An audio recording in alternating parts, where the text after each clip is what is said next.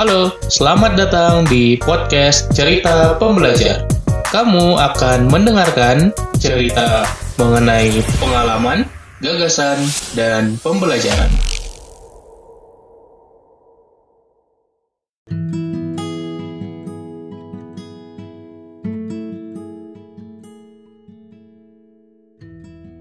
Halo sahabat-sahabat pembelajar, kembali lagi di podcast gue. Cerita Pembelajar. Pada episode kali ini gue pengen sharing aja tentang apa yang baru gue baca. Jadi gue lagi ngerekam ini di pagi hari, lagi jam 7 pagi setelah gue beres melakukan bacaan pagi ya. Jadi setiap pagi gue coba untuk baca buku. Nah, bukunya ini adalah buku lama sebetulnya buku publishnya itu tahun 91 itu bukunya Anthony Robbins ya legendnya training legendnya motivator legendnya self development judul bukunya adalah Awaken the Giant Within. Ini adalah buku yang gue lama banget nyelesainnya karena ternyata emang tebel banget ya ternyata yang tebel banget. Gue kan gak ngeliat buku fisiknya karena gue baca digital. Jadi kalau nggak salah gue cari itu sekitar 550 halaman kalau buku fisiknya. Jadi memang cukup lama gue menyelesaikannya dan setiap chapternya itu memberikan insight-insight tersendiri. Jadi selalu ada hal-hal menarik yang gue dapetin dari setiap chapternya.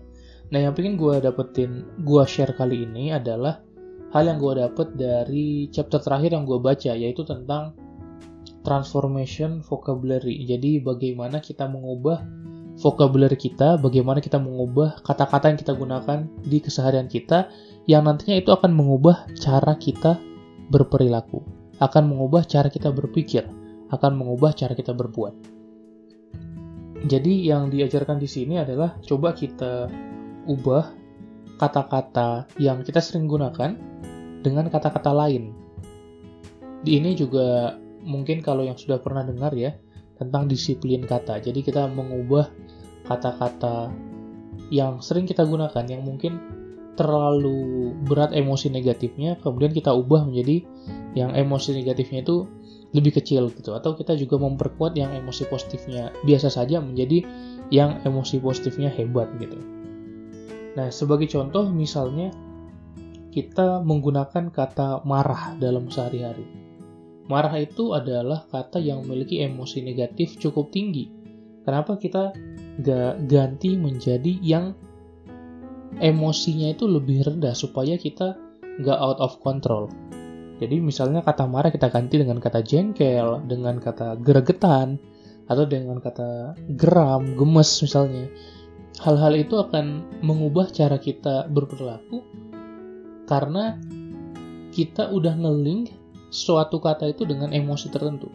Ketika kita disebutkan kata marah, kita pasti udah kebayang gambar orang yang sedang marah gitu. Ketika kita disebutkan kata kecewa, pasti ada bayangan seperti apa kecewa itu di pikiran kita. Dan itu semua sudah terekam dalam subconscious mind kita di otak bawah sadar kita bahwa setiap kata itu bermaksud suatu makna. Jadi kalau misalnya kita mau mengganti bagaimana kita berperilaku dan berbicara, kita bisa mulai dengan mengubah vocabulary kita. Misalnya ketika kita ditanyakan, ini gue juga sering bahas ya sebenarnya, Mar, apa kabar gitu ya? Biasanya gue tidak menjawabnya dengan baik, atau sehat gitu ya, atau keren gitu. Tapi gue menjawab dengan luar biasa. Luar biasa selalu bersemangat, contohnya seperti itu.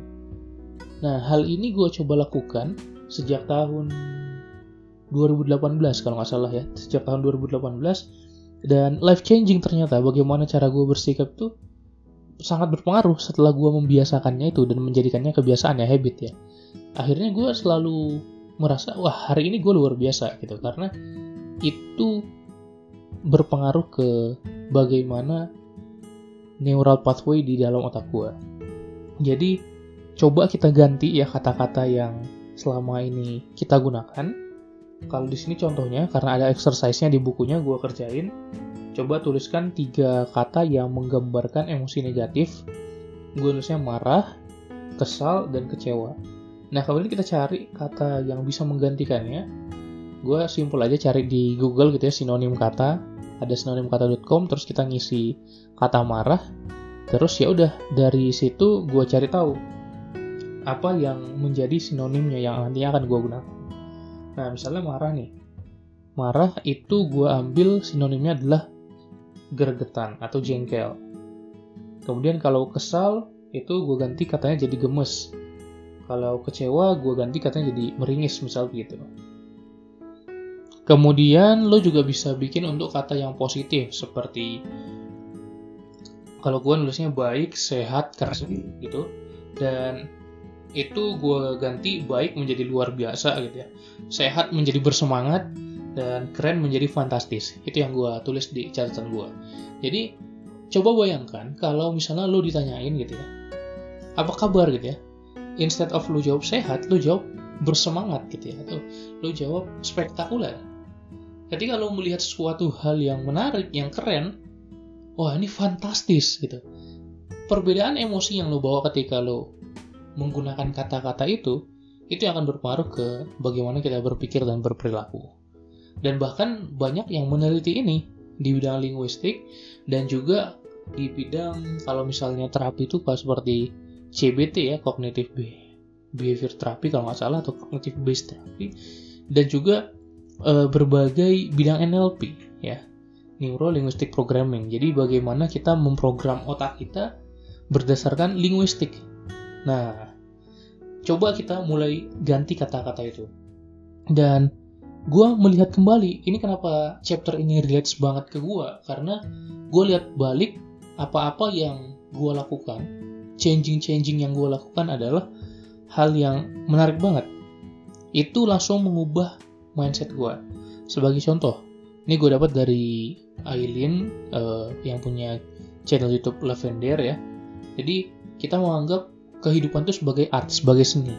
Jadi gue adalah seorang artis, ya artis dalam artian bahasa Inggris ya, dalam artian seniman, dalam artian orang yang membuat karya seni, bukan artis di bahasa Indonesia. Jadi gue melihat gue sebagai artis dan hidup gue itu sebagai masterpiece-nya, mahakaryanya gitu. Jadi setiap hari gue menambahkan goresan lukisan baru. Kemudian dulu gue pernah ngajar bahasa Inggris. Jadi emang muridnya itu nggak terlalu lancar bahasa Indonesia emang. Jadi ngajarnya pakai bahasa Inggris dan gue struggle banget pada waktu itu karena gue belum lancar bahasa Inggris waktu dulu itu ya. Terus gue coba, yaudah nggak apa deh gue ngajar cobain. Dan akhirnya gue ngajar ngajar ngajar. Di pertemuan kedua ketiga gue langsung struggle gitu karena kendala bahasa gitu. Gue nggak lancar banget dan banyak bahkan gue ngajar dia yang benerin gitu ya. Misalnya gue nyebut kan gue ngajar matematik ya. Kalau gue nyebut sudut tuh angel ternyata nyebutnya angle gitu ya. Jadi angel tuh untuk malaikat ternyata. Gue banyak yang baru tahu gitu ya bola itu ternyata bahasa Inggris sphere gitu. Dan hal-hal yang seperti itu awal-awalnya juga gue juga tahu apa bahasa Inggris sudut lancip sudut tumpul. Tapi akhirnya banyak diperbaiki oleh muridnya sendiri dan ya gue malah karena gue gurunya pada waktu itu.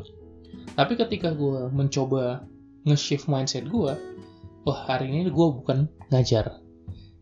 Hari ini gue bukan ngelesin uh, mathematics tapi hari ini gue belajar bahasa Inggris jadi ketika gue mengubah mindset itu menjadi mindset learning oh itu bener-bener shifting banget. Gue jadi excited buat pergi uh, ke ngajar nutorin si anak tersebut.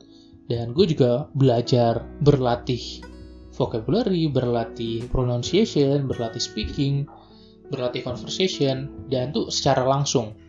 Jadi itu ngaruh banget ada contoh lagi ketika gue ngisi seminar atau sharing session atau training workshop. Jadi ketika gue mau datang itu dulu gue ngelihatnya sebagai ya udah gue ngajar gue sharing lah. Tapi itu bagus itu bagus. Tapi gue coba shift lagi gue ganti menjadi gue hari ini akan perform.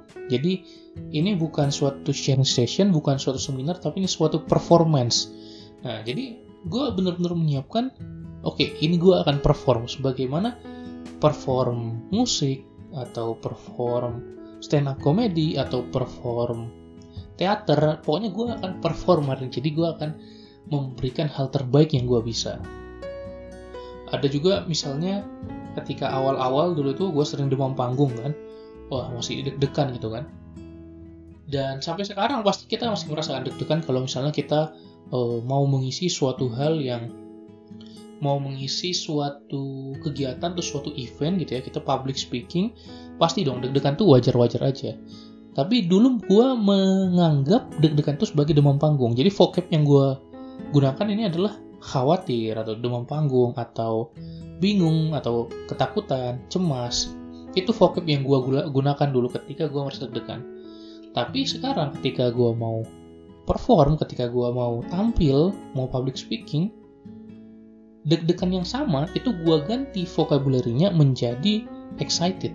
Jadi uh, heboh kita tuh gak sabaran gitu bersemangat. Jadi itu deg-degan yang sama tapi gue berikan vocabulary yang berbeda. Dan itu berpengaruh ke mindset gue juga ketika hendak tampil. Coba perhatikan tadi bagaimana kita mengubah kata hidup menjadi mahakarya mengajar jadi belajar kemudian sharing menjadi perform deg-degan khawatir menjadi excited dan banyak contoh lainnya yang bisa lo lakukan juga. Jadi kita bisa mengubah paradigma dan sudut pandang kita terhadap apa yang kita lakukan di hidup ini dengan cara mengubah kata-katanya. Bagaimana kita melihat suatu hal yang sulit, gak kita sebut sulit lagi, tapi kita sebut menantang. Bagaimana kita melihat musibah itu sebagai uh, rintangan, tantangan gitu untuk kita bisa naik level. Bagaimana kita bisa melihat uh, kesialan sebagai suatu chance untuk menempa mental kita berjuang. Dan banyak lagi bentuk-bentuk vocab lainnya yang bisa kita ubah di keseharian kita supaya emosi negatifnya itu semakin kecil dan emosi positifnya itu semakin besar.